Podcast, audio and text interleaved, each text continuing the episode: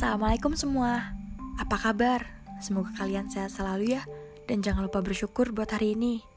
Oh ya, aku mau ngingetin nih buat kalian yang sering keluar rumah atau beraktivitas di luar rumah, jangan lupa pakai maskernya ya. Rajin cuci tangan juga.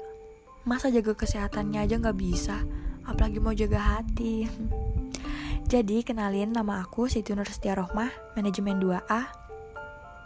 Kali ini aku bakal berbincang-bincang sedikit mengenai apa sih itu pendewasaan diri. Jadi, pendewasaan berasal dari kata dewasa yang memiliki arti kematangan. Kematangan dalam hal ini adalah berasal dari thinking atau pemikiran. Kemungkinan seseorang dikatakan dewasa apabila dalam bersikap ditunjukkan dari sebuah respon dan tanggung jawab.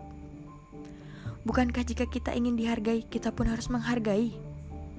Menanggapi sebuah hal bisa kita lakukan tergantung dari sisi pemikiran dan cara kita bersikap. So, tidak ada salahnya jika kita mulai sejak dini.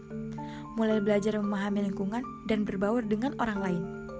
Semangat untuk merubah diri menjadi lebih baik lagi. Pergi ke pasar, jalan terbelah. Pohon jatuh, awas menimpa. Jika ada salah kata maafkanlah. Wassalamualaikum dan sampai jumpa.